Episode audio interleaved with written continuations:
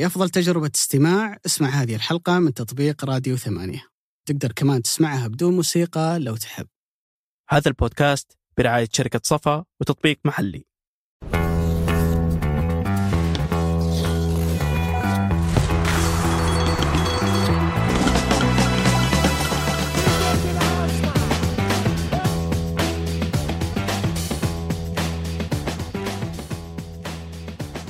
حياكم الله. أنا بندر مشرافي وهذا بودكاست مرتدة من ثمانية. تكلمنا وسولفنا أنا وأبو علي في هذه الحلقة عن المباراة الثانية للمنتخب السعودي عن الفوز الثاني على التوالي ضد قرقستان عن الأفكار التكتيكية اللي انتهجها المدرب الإيطالي روبرتو مانشيني واللي ما اختلفت كثير عن المباراة الأولى ولكن اختلفت على صعيد الأسماء والعناصر. وبرضو تكلمنا عن كيفية تعامل مانشيني مع هذه الأسماء وكيف أنه يعامل هذه الأسماء على أنها أدوات عنده. ما تبتكر كثير ما تبدع كثير ولكن تقدم البعد التكتيكي اللي هو يبغاه. وفي نفس الوقت تكلمنا عن بطولة أمم آسيا والمقامة في قطر عن مشاركة 24 منتخب. هل هذا النظام عادل ولا غير عادل؟ كيف منتخبات متصدرة تلعب مع الثالث؟ ومنتخبات متصدرة تلعب مع الثاني في الجولة أو دور ال 16 كيف وصيف يلعب مع وصيف؟ وهل هذا النظام جائز أو شيء جيد انه يتبدل إلى 32 منتخب أو يرجع إلى 16 منتخب أو لا. أحب أشكر في الختام رعاتنا شركة صفا تطبيق محلي، أما الآن نترككم مع الحلقة. مساء الخير ابو علي. النور يا ابو علي الرجل الأبيض الذي لا يرتدي ملابس الشتاء. ما أحب. مهما يكون الجو بارد. ما ما أدري ليش ما أحسه ما تليق علي أو لا والله لا تحسنني ولا احسنها كلش زين عليك يا أبو علي. بعدين يسلمك. أزرق وأسود. متعود على ألوان شكرا. الغامقة يعني. على المجامله إن كل شيء يليق علي بس هي كيف شفت انت صدق في الملعب؟ والله تفاجأت يا أبو علي. إحنا كان عندنا استوديو تحليلي للمباراة. فتحسه كذا ما كان قاعدة تشتغل يعني شيء. يعني سمير إنزاجي الخبر السيء ما راح يطول عندكم لا إن شاء الله يعني على ال- الأداء والمستويات اللي قاعد يقدمها مع الإنتر بس أمانة اللي فاجأني صراحة أكثر على يعني كمية ال Interisti اللي كانوا موجودين في الملعب يعني شعبية. قليلة أندية في أوروبا ترى ممكن يعبي لك مدرج خارج البلد اللي هو موجود فيه وال Curva Nord والحركات والاجواء اخذناهم والله وديناهم على الدرعية ومشيناهم يعني. كانوا. جايين مجموعة مش زي المرة السابقة. أوكي. بس راح أخذنا فيهم tour وديناهم أماكن سياحية. ضربوا في المندي ولا؟ ضربوا في في الكبسة واللحم بس yes. مو مندي بنوع من نوع ثاني أهم شيء رز. cute بس شوي. أهم شيء. طيب أنت إصابتك أتوقع طولت ما ما تشافيت. الفريق الطبي. شكله ما والله ما أدى. الفريق الطبي يبذل جهد بس الإصابة مزمنة شوي. الصوت تعبان شوي لكن آه، الله ييسر إن شاء الله. نبدأ من حيث خلينا نقول انتهت مباراة اليوم. ممكن شفت تابعنا سوا وحاولت إني ما أسولف معك كثير عشان ما يصير في هي مع أنك كنت قاعد جنبي. إي بس إني أحاول إني ما أتكلم صد معك. عني واجد. إيه. علشان ما تتداخل الأفكار ونطلع نتكلم نفس الأفكار. بس إني ممكن لو الشيء اللي ممكن نبدأ منه أبو علي اللي هو مش الرسم اللي ما تغير باستثناء بعد بعد حالتي الطرد تغير الرسم ولكن ما قبل ذلك بداية المباراة الرسم كان ثابت ولكن في تغييرين مهمة آه، على مستوى الأفراد. آه، المالكي بدل الخيبري وفراس البريكان مكان صالح الشهري ممكن البريك بدل ناصر المصاب ولكن هالتغييرين الأساسية اللي اللي عملها السيد روبرتو مانشيني في المباراة. ليش سواها يعني؟ وش السبب؟ أتذكر في الحلقة الماضية قلت لك يد كنو والخيبري ما عجبتني. ما عجبتني حسيت إن كذا فيها آه فيها عدم عدم خلينا نقول آه بين اللاعبين نفسهم ما في كيمستري بينهم. حسيت إنه أحيانا يكون هذا في مركز وهذا من الداخل معه. حسيت ان الباصات فيها مس باص كثير أو باصات خاطئة كثير المباراه راحت. حتى في حال فقدان الكرة حسيت الخطورة علينا تكون مباشرة وتحس الفريق واقف غلط أو إنه مو واقف بشكل صح قادر ياخذ أو يكسر خطوط التمرير عند المنافس.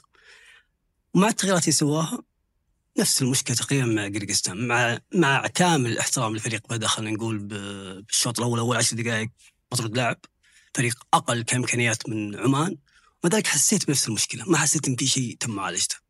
أول نقطة بنقولها أبو علي الحمد لله على السلام منتخبنا واجه منتخب عنيف جدا.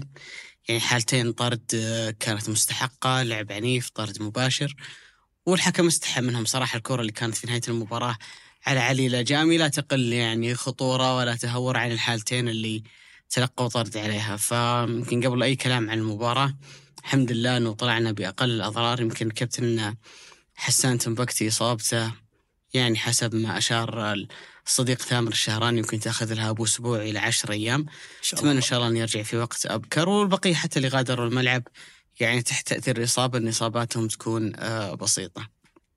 ثلاث تغييرات مثل ما أنت قلت أبو علي، واحد منها كان اضطراري مشاركة محمد البريك.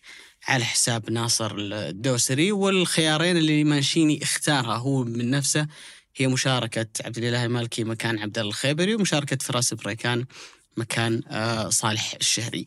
فيما يخص فراس أنا أعتقد إنه في الظروف الطبيعية المنطق يقول إن فراس هو اللي يلعب لأنه هو اللي يلعب أساسي هو اللي منتظم في المشاركة موجود مع الأهلي حصيلته تهديفيه هذا الموسم أعلى بكثير من صالح الشهري وعبد الله الرديف وبقية العناصر اللي موجودة على مستوى خط الهجوم ممكن الفكرة كانت أكثر في عبد الإله المالكي وأنت تتابع المباراة شوط المباراة الأول أنا بالنسبة لي عندي تساؤل إنه ليش عبد الإله؟ وش الشيء الجديد اللي أنا بشوفه من عبد الإله اللي ما كان موجود عند عبد الله الخيبري؟ واحد منها كان في حالة الهدف الأول اللي هو حل التسديد من خارج منطقة الجزاء. المباراة الماضية شفنا عبد الله الخيبري جرب أكثر من تسديد. مرة أو مرتين بس ما عنده جودة عالية في عملية التسديد من خارج المنطقة. عبد الإله في الهلال شفناه يسدد تسديدات من خارج المنطقة ويسجل منها في بعض الأحيان ومنها أتى الهدف الأول للمنتخب السعودي فهذا أحد الحلول. النقطة الثانية اللي تكلمنا عنها في المباراة الماضية أنه أنت لما تروح على الأطراف بلاعب الظهير اللي هو ال wing back اللي يعمل الزيادة للأمام سواء سعود على اليمين محمد على اليسار. دائما يزيد معه سامي على اليمين وسالم على اليسار وتكلمنا إنه افتقاد للاعب الثالث لاعب المحور اللي يزيد معهم ارجع تفرج على الهدف الأول. الكرة بدأت إن محمد كنو كان تقريبا في مثلث مع سالم ومع محمد البريك. الثلاثة طلعوا الكرة على الطرف راحت بعد كذا آه، على القوس المنطقة. شاتها عبد الله المالكي وبعد كذا جت العرضية اللي من سعود عبد الحميد وشفنا كذا حالة ممكن على الجهة اليمين اللي كان يزيد فيها عبد الله المالكي مع سامي ومع سعود لكن ممكن ما كان بجودة عالية.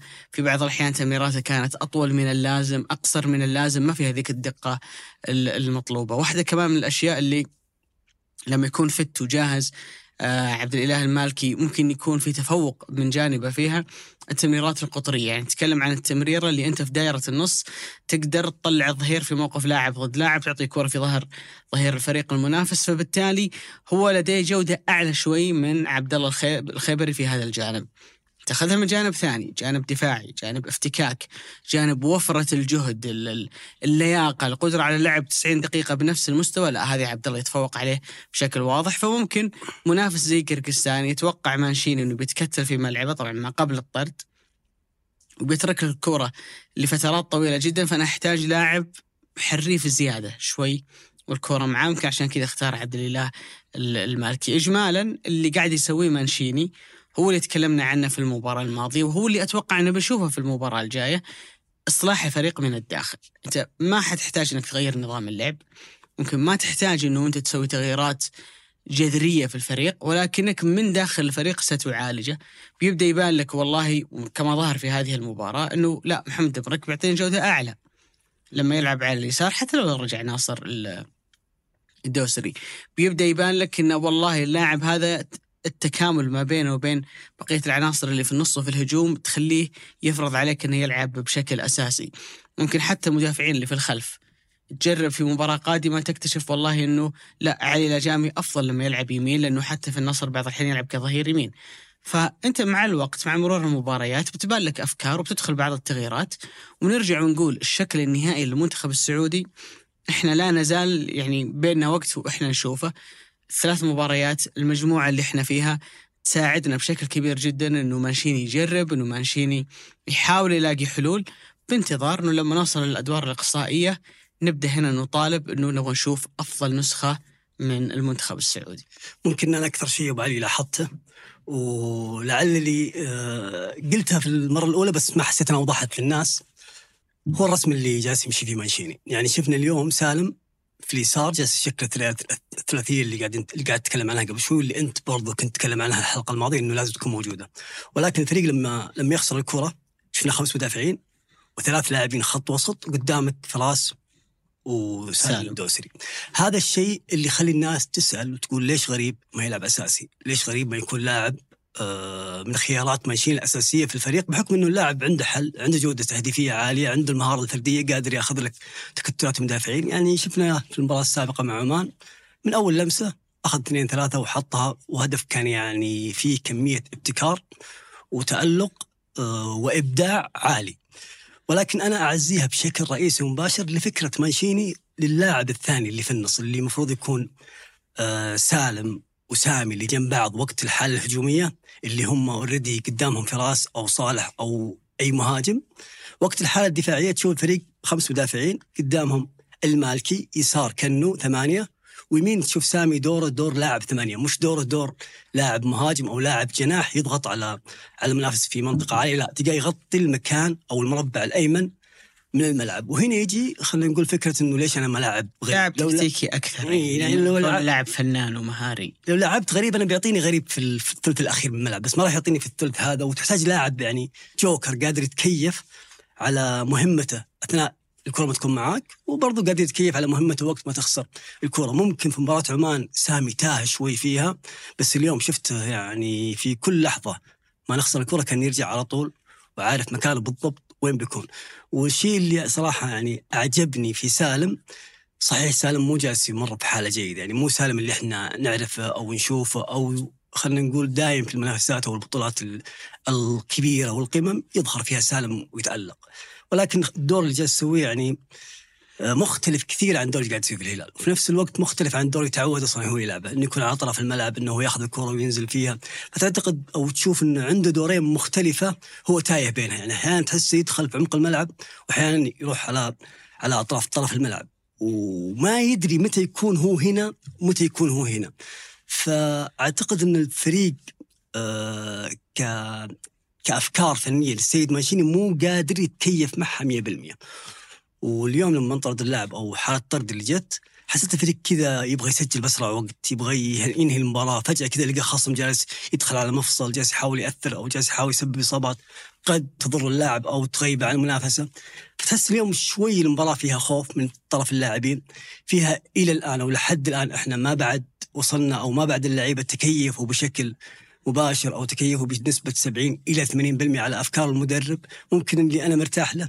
واللي شايف أنا جالسين يأدون مو 100% 200% هم هم الظهيرين آه ناصر وسعود أو البريك وسعود أو ايا يكن تحس إن يعطون جالسين يعطونك ذا الدور الهجومي ولعل الهلال خدمهم كثير إنه سبق الهلال لعب هذا الأسلوب وسبق للبريك إنه لعب هذا هذا الأسلوب وبرضه سعود سبق إنه لعب مع الاتحاد ف التكيف كان سهل ولكن الأدوار الجديدة اللي جالس تشوفها في الخط الوسط أو حتى على على سالم الدوسري أو حتى سامي النجعي أو أي لاعب آخر تحس انه شوي ما بعد فهمها اللاعبين وهذا الشيء أدى إلى إني أشوف في حالات كثيرة وعلي إن الفريق ال miss pass كثيرة. فقدان الكرة صحيح. كمية فقدان صحيح. الكرة وأنت ضد خصم يعني متواضع مطرد لاعب مطرد اثنين وكنت برضو تخطي في الباص.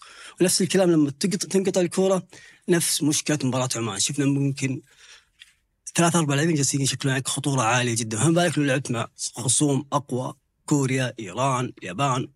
العراق وغيرهم من المنافسين. أعتقد هذا ممكن الشيء اللي التحدي ممكن يواجهه مانشيني الفترة القادمة. ضف إلى ذلك أن التغييرات اللي عملها مانشيني تقريبا تشبه إلى حد كبير التغييرات اللي كانت المباراه الأولى. يعني دخل مختار دخل فيصل دخل عبد الله رديف دخل برضو مم، عبد آه، الرحمن غريب. عبد الرحمن غريب. أربع تغييرات تقريبا ثابتة مع فراس وصالح اللي كان تغيير قبل بداية المباراة. وهذا الشيء يشعرك إن هذول هم تقريبا الأسماء اللي راح يعتمد 15 عليها. 16 لاعب هو قاعد ي- يدور بينهم تقريبا ما راح يغير. فيهم كثير وجالس يعطي آه، اللعيب المهاجمين عنده دقائق لعب طويلة. أنا أشوف إن هذا الشيء مهم جدا للاعب المهاجم إنك تعطيه دقائق لعب أكبر تحاول إنه يسجل هدف هدفين عشان تعرف يدخل جو المنافسة تزيد عنده. الثقة يصير عنده شوي جوع إنه يتألق أكثر بس اللي شايفين إن المهاجمين عندنا إلى الآن. صفر ما اهداف مع ان مع إن يعني ثلاث مهاجمين مباراه ولا ثلاث مهاجمين مباراة ثانية ما حد سجل. صحيح. ومباريات يعني لحد ما خلينا نقول في المتناول اللي أنت واجهت أمام عمان وقرقستان. آه، أتفق معك إنه في كمية مس باص كثيرة جدا تمريرات خاطئة. تشعر إن المنتخب السعودي ما هو قاعد يلعب بالحذر اللازم لكن اللي أنا متأكد منه إنه مدرب حكيم زي مانشيني بالفريق المساعد اللي موجود معاه. مستحيل إنه تفصيلة زي هذه ما تمر عليهم. مستحيل إنه في الأدوار القادمة لما نلعب المباريات اللي الغلطة فيها ممكن تطلعك من البطولة ما يكون في تعليمات منا تجاه اللاعبين إنه نتجنب هذا النوع من التمريرات. نتجنب فقدان الكرات في هذا ال- ال- المكان من أجل إنه ما نحط أنفسنا في موقف آه، حرج جدا. يمكن إحنا نبغى المنتخب يعطينا اطمئنان في كل الجوانب هجومي دفاعي عشان نطمئن للجاي إنه المنتخب يكون في أفضل حال. بصراحة من الأشياء اللي الواحد تعلمها طيلة هالسنوات من متابعة كره القدم في البطولات المجمعة في مدربين ومعظم المدربين الناجحين ويتبع سياسة البناء. اني أنا في البداية دور المجموعات عندي أو منتخبات في المتناول أنا أبني هوية للفريق على مستوى السيطرة على الكرة، الجانب الهجومي، الوصول للمرمى، تنويع في حلول الوصول للمرمى، بعدين لما أروح الادوار الاقصائيه ممكن أشتغل أكثر على الجانب الدفاعي.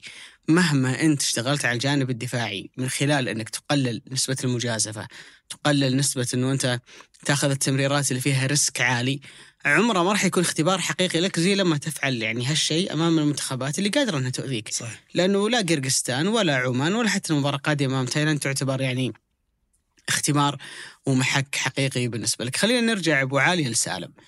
واحدة من مشاكل سالم في التنظيم الحالي المانشيني انه طوال مسيرة سالم في الهلال تحديدا تعود إنه يكون جزء من تركيبة هجومية كم تضم لاعب. اليوم في الهلال تضم ميشائيل تضم مالكم. مالكم. وتضم متروفيتش. وهو رابعهم. يعني في الثلث الهجومي هو هم أربعة. هو واحد من هذا الرباعي. حتى مع المنتخب السعودي مع رينارد في فترات سابقة كان دائما في مهاجم وفي سالم وفي لاعب جناح يمين سواء كان مباراة الأرجنتين الشوط الثاني لما نزل نواف العابد. في فترات كان يلعب فهد المولد. في فترات كان يلعب هتان بهبري. على الأقل سالم كان واحد من ثلاثة. الوضعية اللي اليوم سالم موجود فيها في المنتخب إنه هو والمهاجم.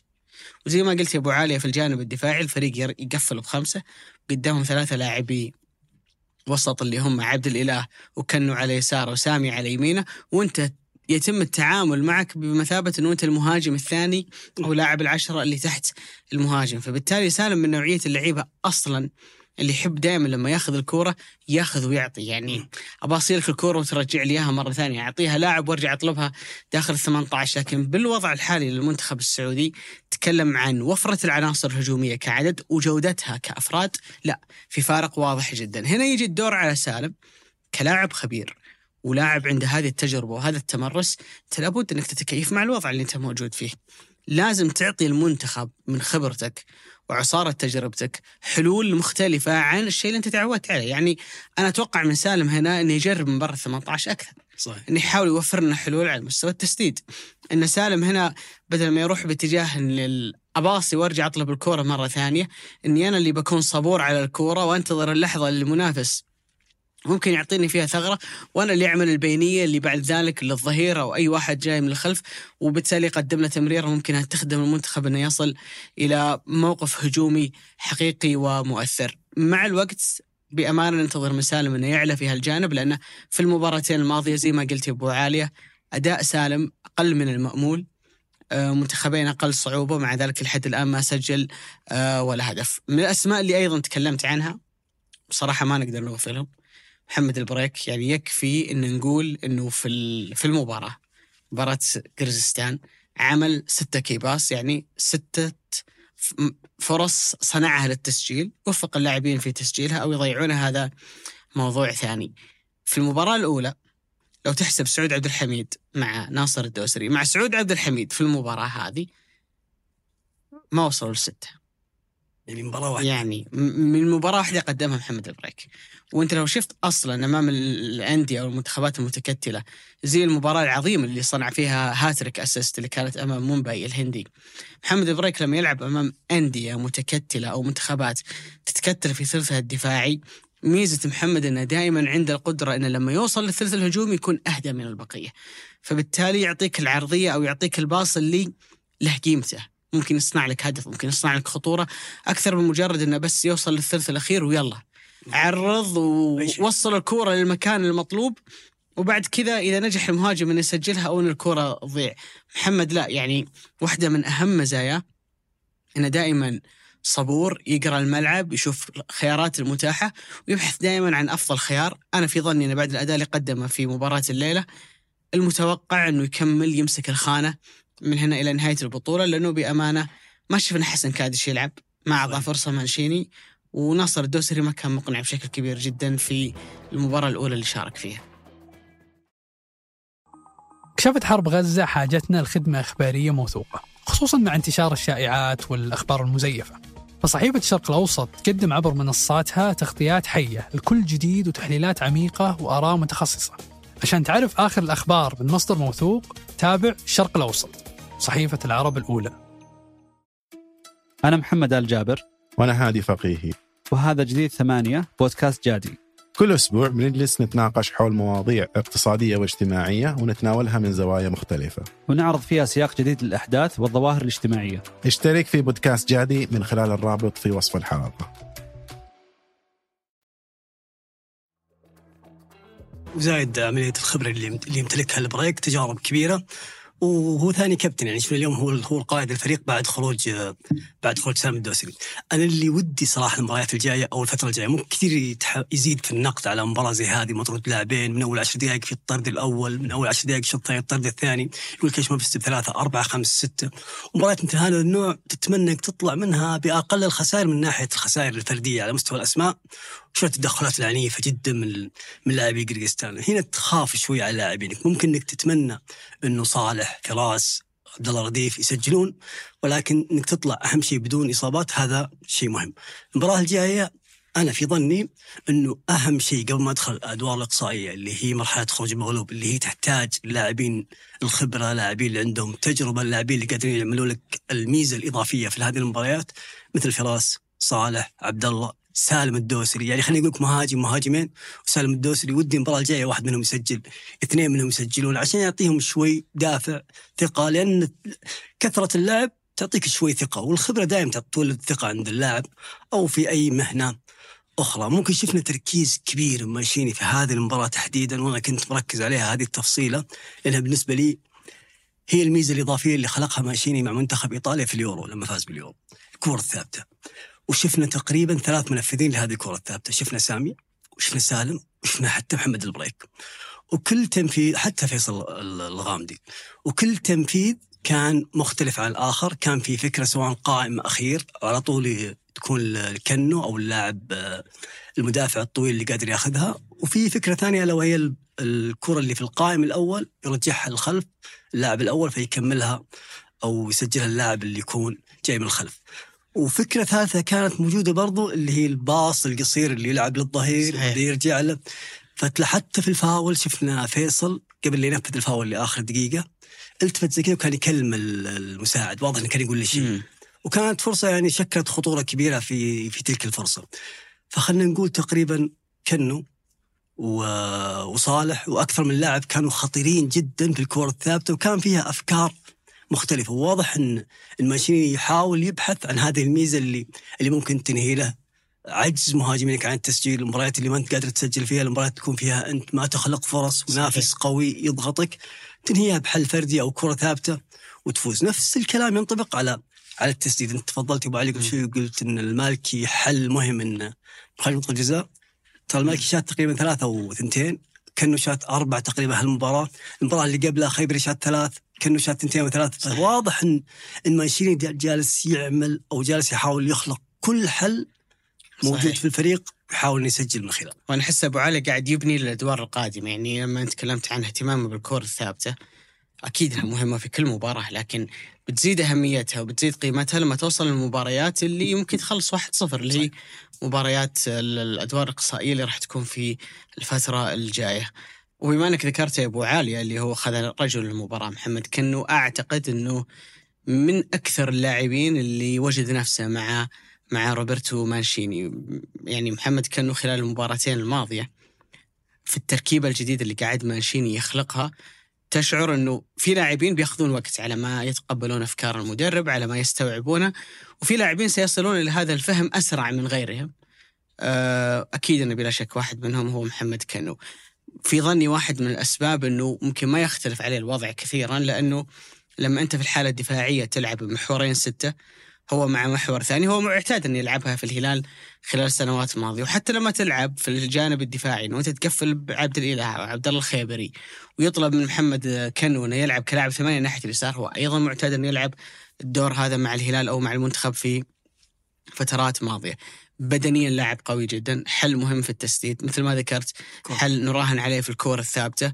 وأقول يا رب يا رب إن شاء الله إنه في الأدوار الإقصائية تجيب يعني تجيب نتيجتها وقيمتها. عشان نقول إن أبو عالية من بداية البطولة كان يقول إن منشيني مدرب يهتم كثير بالكور الثابتة، كان مهم صراحة لو تلاحظ إنه يعني المباراة الأولى أشرك ثلاثة بدأ بثلاثة بعدين نزل مختار. بعدين نزل آه فيصل. الان نزل عبد الله. تقريبا كل لعيبة الوسط اللي موجودين ومتاحين عنده قاعد يستخدمهم في الفترة الماضية فمدخلهم في جو المباريات. واحدة من الأشياء صراحة اللي عجبتني في مانشيني إن تشعر إنه ما عقد الأمور كثيرا على لاعبي المنتخب. شلون ما عقد الأمور على لاعبي المنتخب؟ ناخذ مثال بعيد شوي. السوبر الإيطالي اللي تابع مبارياته وحللها نابولي يلعب بثلاثة مدافعين. والإنتر يلعب بثلاثه مدافعين والفريقين راح يتواجهون آه يعني في آه في النهائي. كل فريق منهم في الثلاثة مدافعين في أدوار معقدة ومركبة يطلبها المدرب من اللاعبين. على سبيل المثال في الإنتر لما الكرة تبدأ الهجمة من الإنتر واحد من السناتر الثلاثة اللي هو باستوني يتحول إلى ظهير أيسر. صحيح. الظهير الأيسر اللي هو دي ماركو يطلع يصير لاعب جناح. طيب لو الكرة انقطعت يلا نرجع يا شباب نتنظم مرة ثانية. تروح لنابولي نموذج مختلف. الفريق يوقف بثلاثة بس في حالة الضغط على المنافس أي فراغ يترك في النص. يتركون الاثنين المحاور أن نابولي يلعب بثلاثة أربعة محورين ستة وظهيرين وجناح مهاجم عفوا مع جناحين. فبالتالي المحورين ذولا لما يطلعون يضغطون. أي فراغ يترك وراءهم من اللي يطلع يغطيه واحد من الثلاثة اللي وراء على حسب من أقرب لاعب لك. يعني اللي قاعد يتحرك في ظهر المحورين قريب من ناحية آه، جيسوس أنت تطلع تضغط عليه. لما يكون جهة ال center back اليمين أنت تطلع تضغط عليه والبقية يضمون ويصيرون أربعة. تذكر أن كونتي سواها لما كان صحيح. مع تشيلسي سواء فيها نوع من الأدوار المركبة يتطلب وعي تكتيكي عالي جدا من اللاعبين وتعود وتمرس. الشيء اللي أنا قاعد اشوفه من مانشيني إنه ما عقد الأمور كثيرا على على مدافعينه في جانب إنه يعطيهم الكثير من الأفكار اللي ممكن تربك المنظومة، لا هو محافظ على شكل الثلاثة. حتى في الحالة الدفاعية في أحيان كثيرة تقول آه، مع احترامي وتقديري عمان ولا قرقستان ليش أنا أوقف بخمسه وراه هو لا ما يبغى يكثر تعليمات على اللاعبين أو يعطيهم تعليمات غير قابلة للتطبيق بقدر ما إنه يرى إن الثلاثة مدافعين هو شكل يقدر من خلاله يبني ما بقي من هوية المنتخب ويكون مساعد لهم. وبأمانة أعتقد إنه في المباراتين اللي شفناها البوادر جيدة والنتيجة يعني مشجعة بالمناسبة. المنتخب السعودي طوال تاريخ مشاركاته في كأس آسيا. مرتين بس اللي فاز في أول مباراتين في دور المجموعات. 96 لما فزنا في أول مباراتين وخسرنا الثالثة اللي كانت أمام آه إيران. والنسخة الماضية نسخة 2019 اللي فزنا في أول مباراتين ومن ثم خسرنا المباراة الأخيرة أمام منتخب قطر. فبالتالي لو طلعنا بثلاث نقاط المباراة القادمة أمام تايلاند بتكون أول مرة ناخذ العلامة الكاملة من دور المجموعات من 84 اللي منتخبنا فيها يعني أول كانت أول مشاركة وكانت انطلاقته قوية جدا في البطولة. فبالتالي حتى وإن كنا نتكلم عن منتخبات يعني في نظر البعض آه، مستوياتها أقل قيمتها أقل لكن أعتقد أنه في جانب نجاح كبير جدا للمنتخب مع مانشيني. واحد من الأشياء اللي ما أعطيت حقها صراحة هي الصلابة الدفاعية تقريبا في مباراتين. يعني لولا إن نشوفه وقت النشيد الوطني أحمد الكسار ما نشوفه. يعني المباراة الماضية تسديدتين اللي كانت عليه طوال المباراة. واحدة بلنتي هو ما له ذنب فيها والثانية كانت تسديدة بعيدة كان يعني التصدي لها سهل. مباراة آه، قرزستان ولا تسديدة على مرمى. جزء كبير من ذلك إنه أنت تمنع المنافس من انه يصل إلى مرماك. فيه كم لاحظ نتكلم عن كم من الإيجابيات اللي موجود عند مانشيني ولكن لسه في أخطاء. صحيح. والشيء الجميل والرائع إنه كل المعطيات تقول إن الأفضل إحنا لسه ما شفناه. في مؤشر وفي مؤشرات إنه إحنا نقدر نبني عليها للجاي. في مؤشر كذا كويس. المؤشر الأول إن أفضل فريقين في العالم حاليا في وجهة نظري من وجهة نظري أنا الإنتر وبايرن وليفركوزن كلهم يلعبون بالثلاث مدافعين وكلهم بنفس الأسلوب اللي يلعب فيه مانشيني. فأنا أحب هذه الطريقة وهذا النوع من الأسلوب لما تكون تفتقد للكواليتي لما تكون تفتقد للقيمة اللاعبين المؤثرين الأقوياء اللي اللي قادرين يأخذون لك ويعطونك في مباريات حل فردي قوي. وهذا الشيء خلينا نقول ما هو موجود في المنتخب السعودي، المنتخب السعودي مو زي اليابان آه إيران أو حتى كوريا. ولكن أنت قاعد تأخذهم تكتيكيا للمكان اللي ممكن أنت توصل له على صعيد. وتقل فيه أبو علي أنت لاحظت ان تقل فيه. الاجتهادات.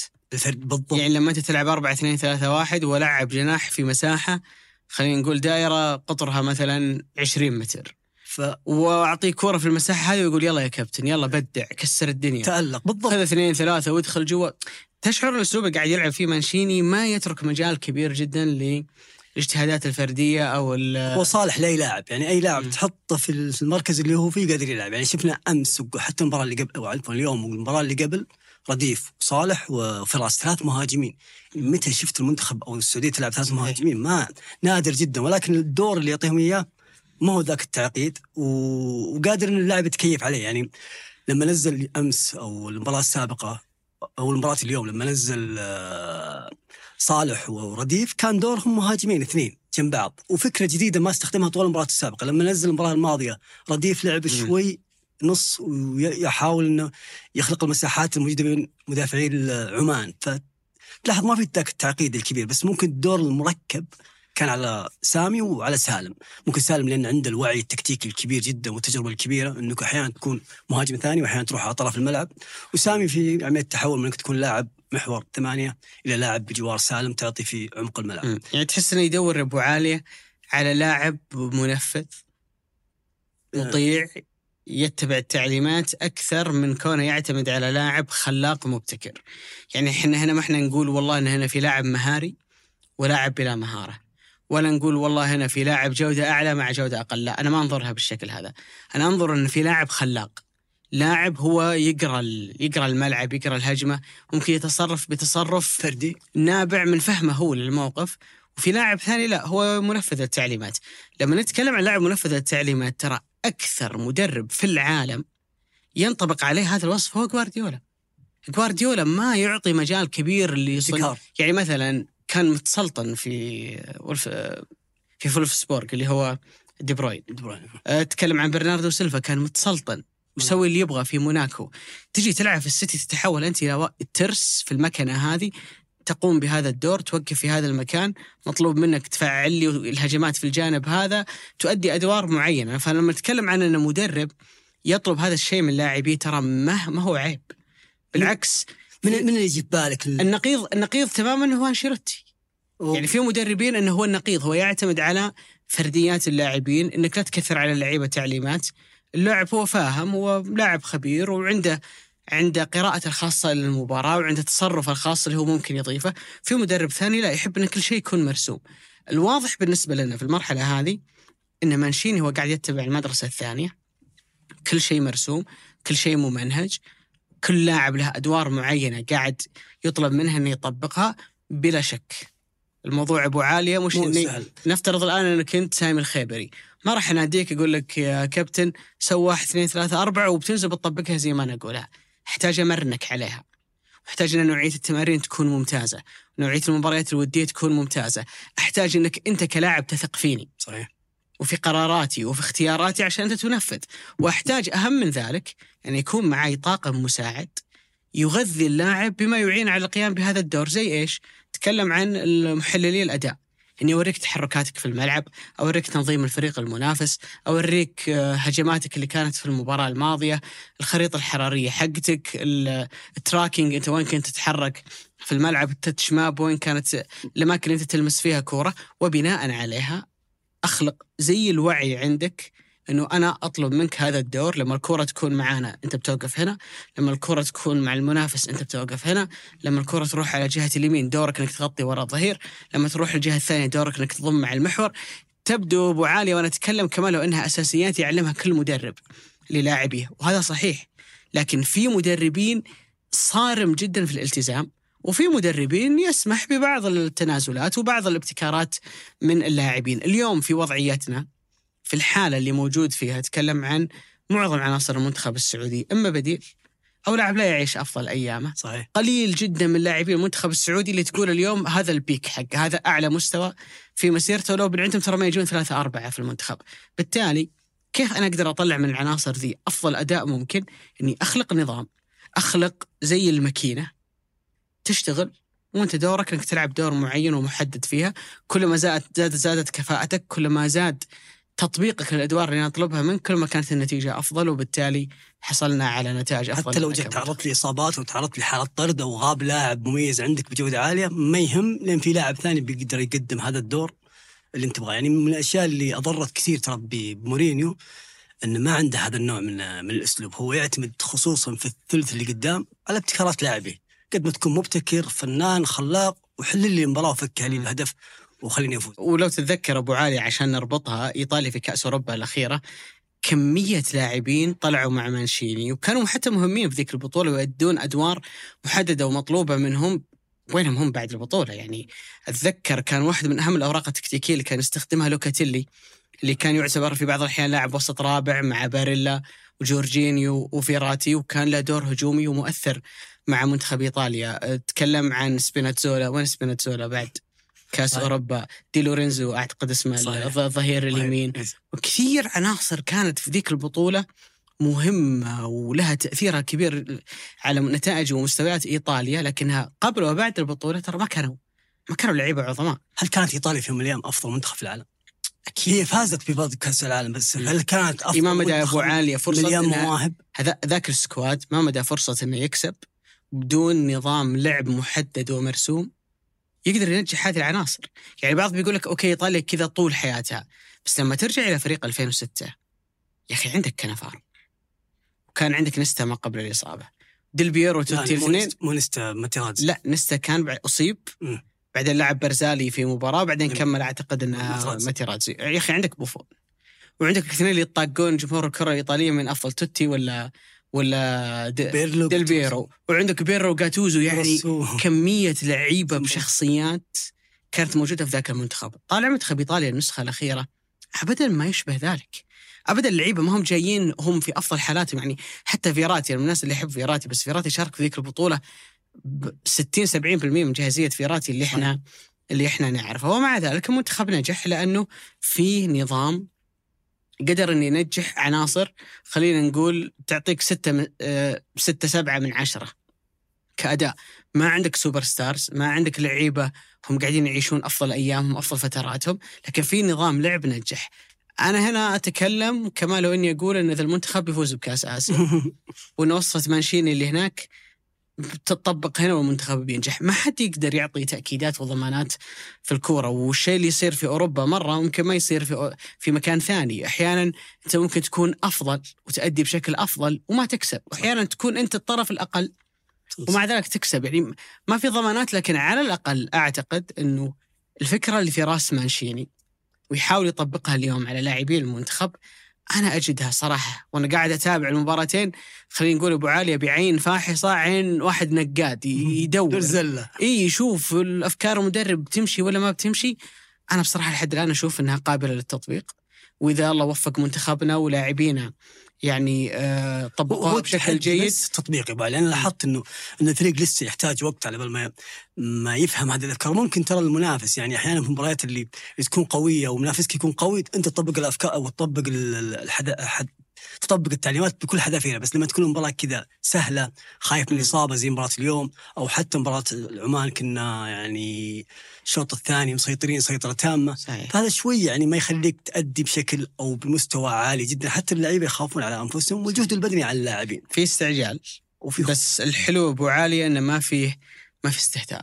إيه. يعني ما تشوف كعوب فنيات تحس إن اللاعب قاعد يستهين بالمباراة ويدلك إن اللعيبة دارين إن في واحد على الخط آه، أتذكر في الفيلم الوثائقي حق مانشيني حق إيطاليا اللي فاز فيه بال- باليورو كان يتكلم مع مع أكثر من لاعب ياخذه على جنب ويعلمه. لما تجي في المكان هذا تلعب الباص هذا بس ما تلعب الباص هذا. وهذا صراحة شيء يميز كثير المدربين الايطاليين يعني على مستوى نجاحات إيطاليا في كؤوس العالم في اليورو في أي نجاح حتى على مستوى الأندية تلاحظ إنه المنظومة هي اللي تعمل. ما هو الفريق قوة الفريق؟ يعني الإنتر قدم مباراة عظيمة ضد ضد المان سيتي. المان سيتي اللي الفريق المبدع يعني مليان أسماء وقيمة كرتي عالي من اللاعبين وبرضه مليان لعيبة عندهم الحس الإبداعي. بس مع ذلك الإنتر قدر ينافس هذه المنظومة المليارية بلاعبين إعارة مع حقية شراء فتلاحظ الإيطاليين عندهم هذا البعد وفوزهم كاس العالم أربع مرات والأداء والإستشهاد دائم الكبير على 82 البرازيل 82 كيف ما فازت بكاس العالم وإيطاليا هي اللي فازت فيه.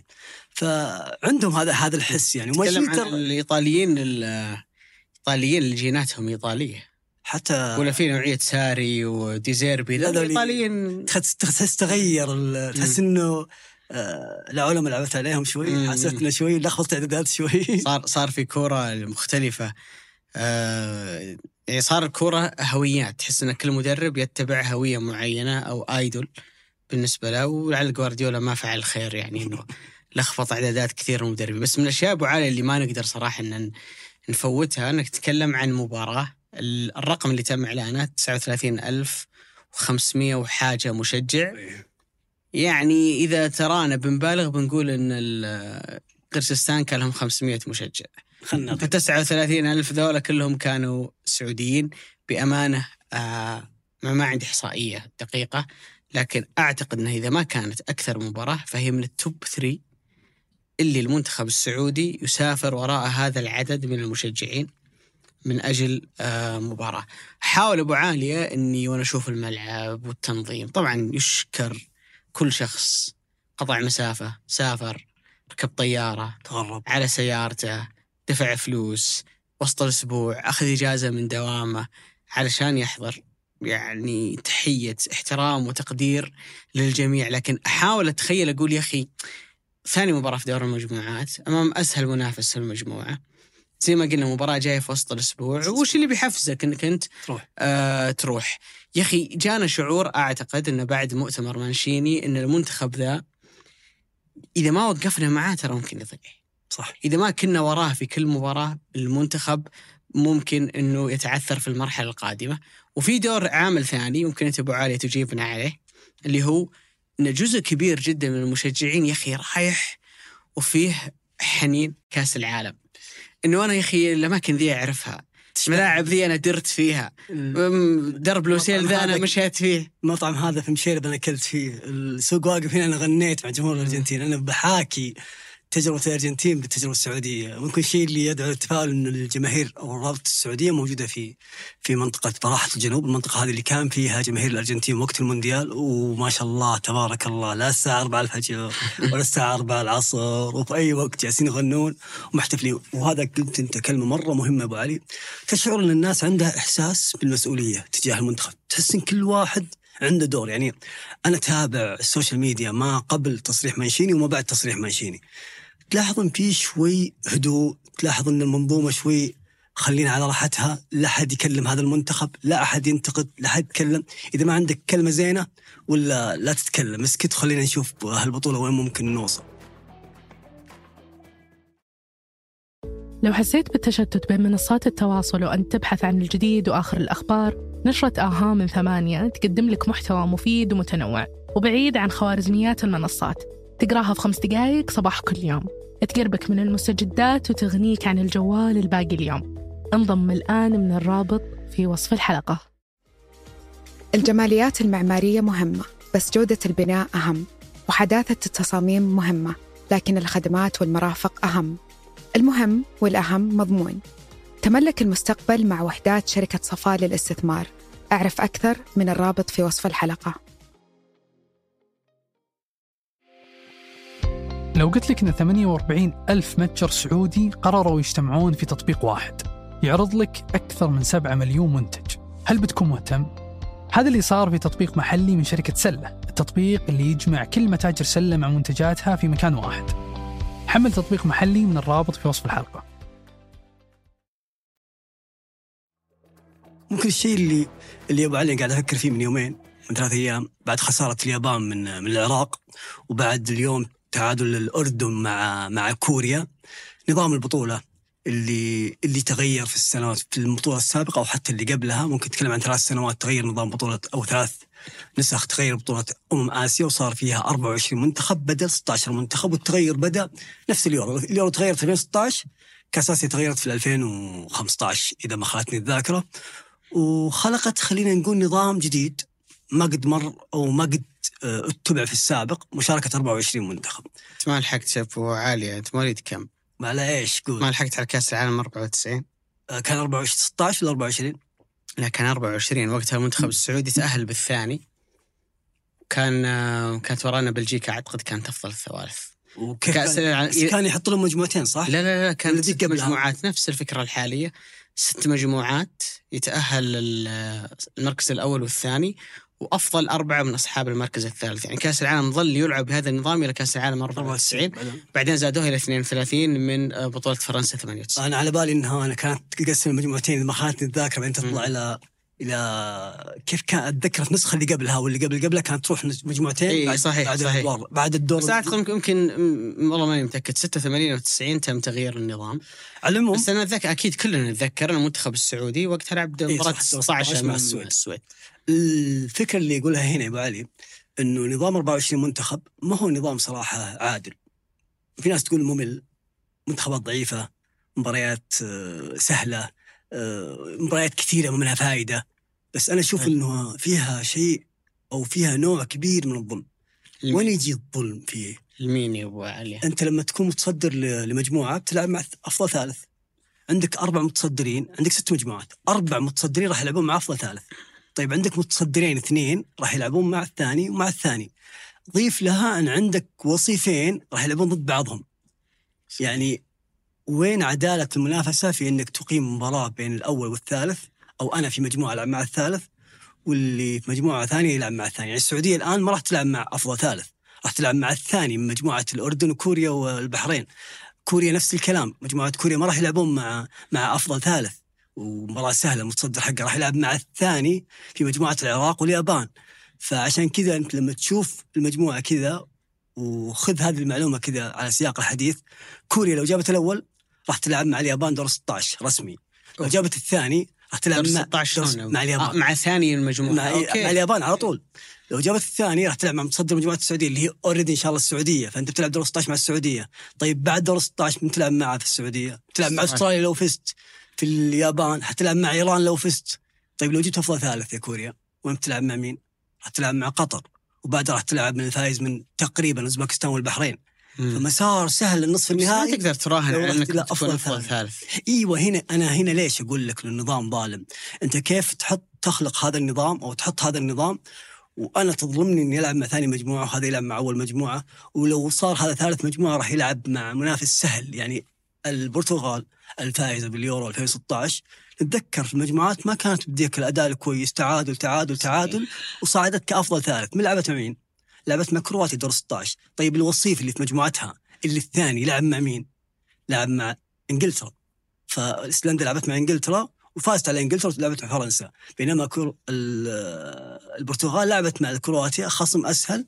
في الدور اللي بعده أتوقع لعبت مع بولندا مع بولندا بعدين مع ويلز. يعني كان مسار سهل وتحس إن في ظلم. في ناس تقول لك ممكن نسوي القرعة دي بعد دور المجموعات عشان ما يصير في تلاعب. التلاعب يجي وين؟ يجي إذا كان في سهولة في التأهل. صحيح. يعني 24 منتخب أفضل ثالث أنا أقدر أضحي بذا المباراة وأختار مساري اللي أنا. أبغاه وهو. حق مشروع.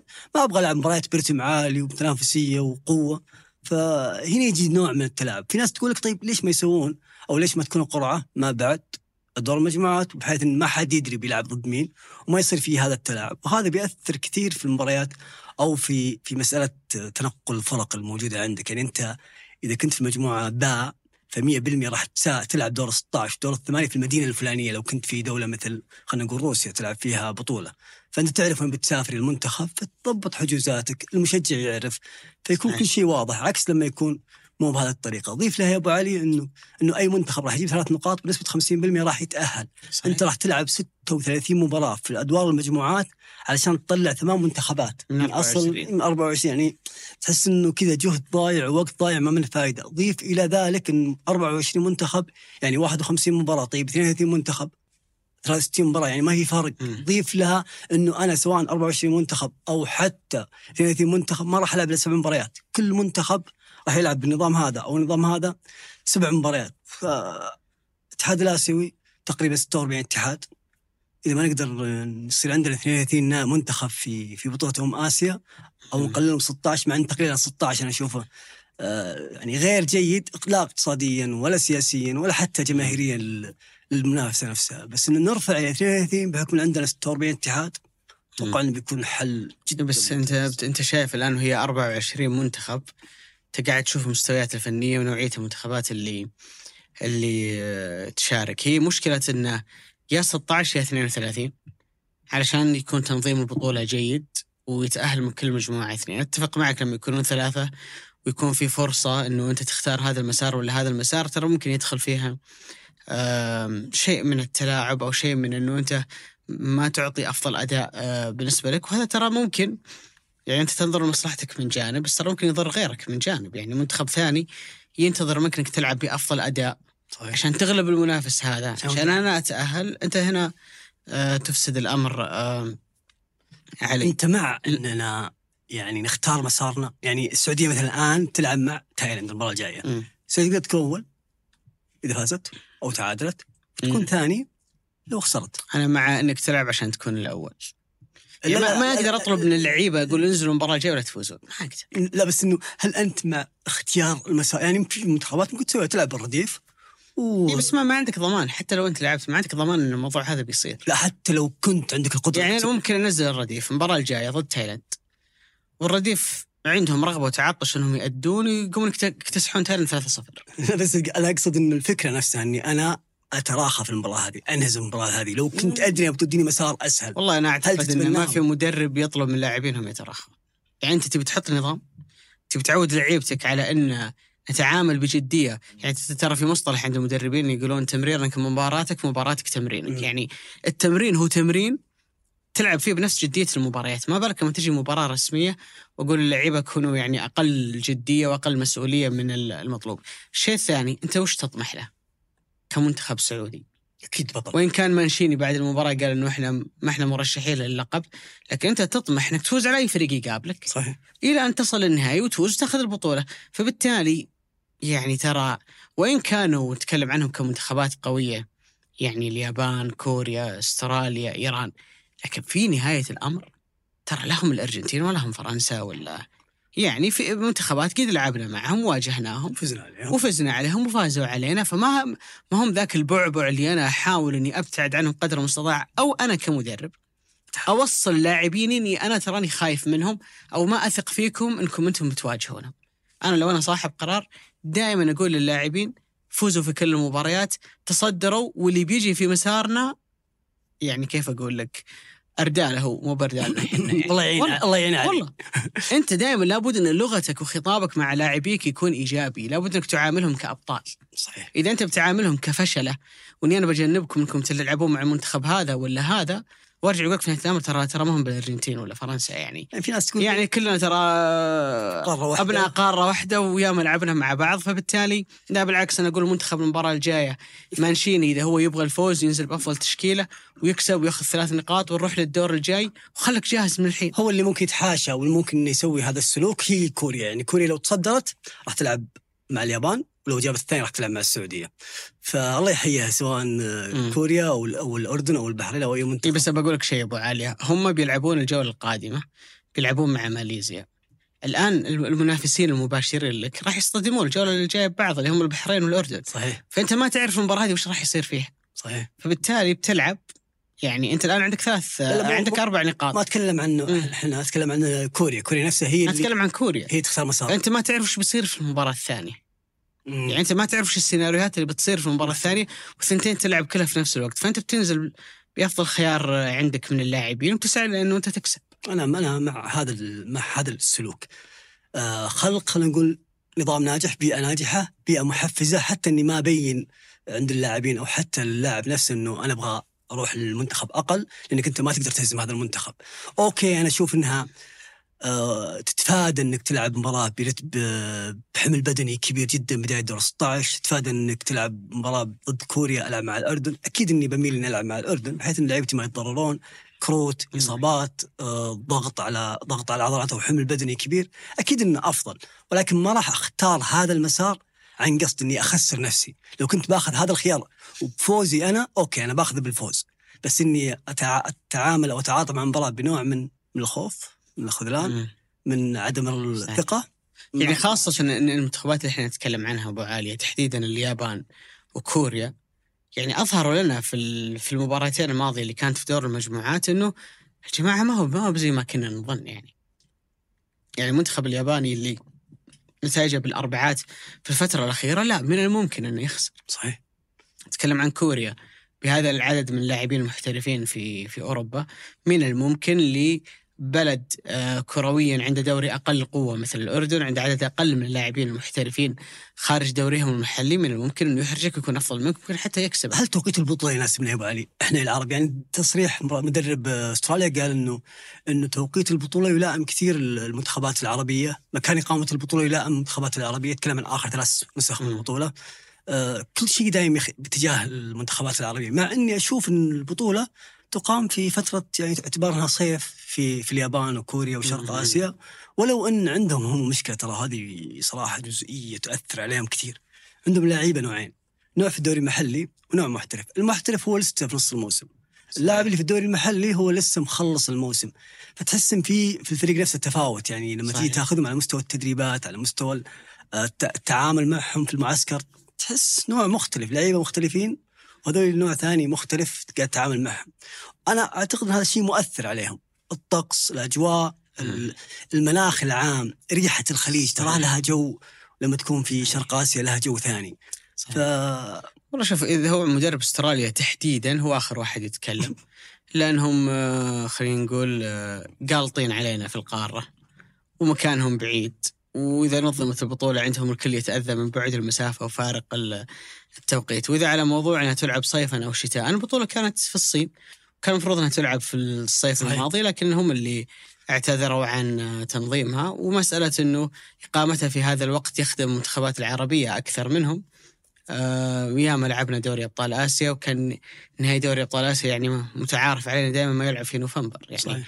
بالتقريبا بعد ثلاثة شهور من بداية الموسم بينما هم يكونون على نهاية موسمهم فرقهم وصلت لأعلى أداء. وهذا اللي ساعدهم خلال سنوات ماضية أن أندية شرق القارة تكسب بطولات آسيوية أكثر من أندية غرب القارة. مشكلة قارة آسيا أنها كبيرة. صحيح. وفيها خلينا نقول آه، خطوط توقيت كثيرة ومختلفة. طقس مختلف. ال- الوقت هنا ليل ذولاك عندهم فجر ولو لعبت عندهم فهي غير عن عندنا. هناك شتاء إي فهي قارة قارة مختلفة. إي مختلفة عن أوروبا وأفريقيا وبقية القارات الثانية. آه فأحيانا يعني الظروف تكون لمصلحتك وأحيانا تكون ضدك. آه إحنا كسبناها هناك.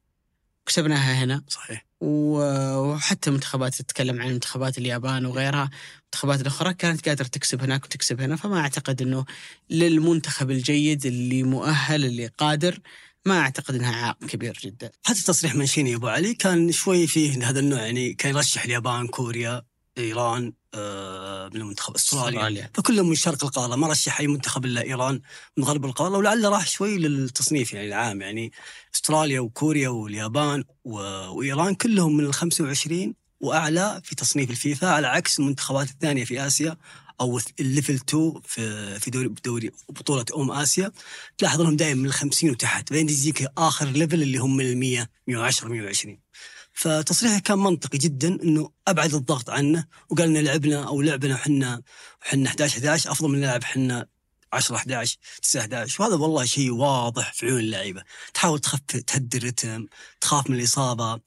تنحط أحيانا تحت ضغط إنه منافس مطرود من اللاعب. تحاول إنك تبذل جهد مضاعف فيسبب إصابة أو يرفع أو يسبب جهد بدني أعلى. وأنت عندك بطولة باقي فيها تقريبا لو بتوصل للنهائي خمس مباريات وخمس مباريات كسر عظام يعني وحوالي يمكن قرابة ثلاثة أسابيع فبالتالي يعني لسه أمامنا فترة زمنية قادمة أنا بغض النظر أتفق أو أختلف مع مانشيني في ترتيبه المنتخبات المرشحة ووضعنا في المرتبة الخامسة خلف المنتخبات اللي أنت ذكرتها لكن أكثر ما استوقفني أن من بداية البطولة في المؤتمر اللي سبق مباراة عمان.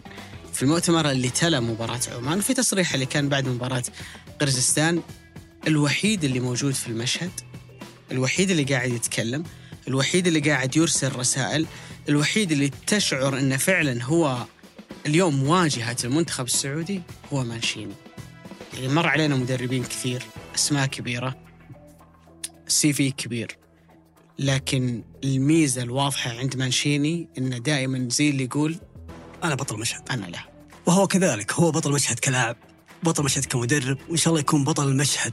الحالي في في بطولة أم آسيا المقامه في قطر وأنت يا أبو علي بطل مشهد في مم. مرتد أيضا. شكرا لك. الله يسعدك أبو علي الشكر لك. شكرا لك. شكرا لكم شكرا لمحمد الفوزان في إعداد وإنتاج هذه الحلقة. عبد الرحمن عبود في التصوير. وفي الإضاءة ياسر كدشة. يوسف إبراهيم في التسجيل والهندسة الصوتية. وفي التحرير مرام الضيبان. وفي التلوين أحمد سالم. وفي إدارة الإنتاج عبد المجيد عمر. وفي إدارة محتوى التواصل الاجتماعي أحمد غالب هذا بودكاست مرتدة أحد منتجات شركة ثمانية للنشر والتوزيع. إلى أن نلقاكم في الحلقة القادمة في أمان الله.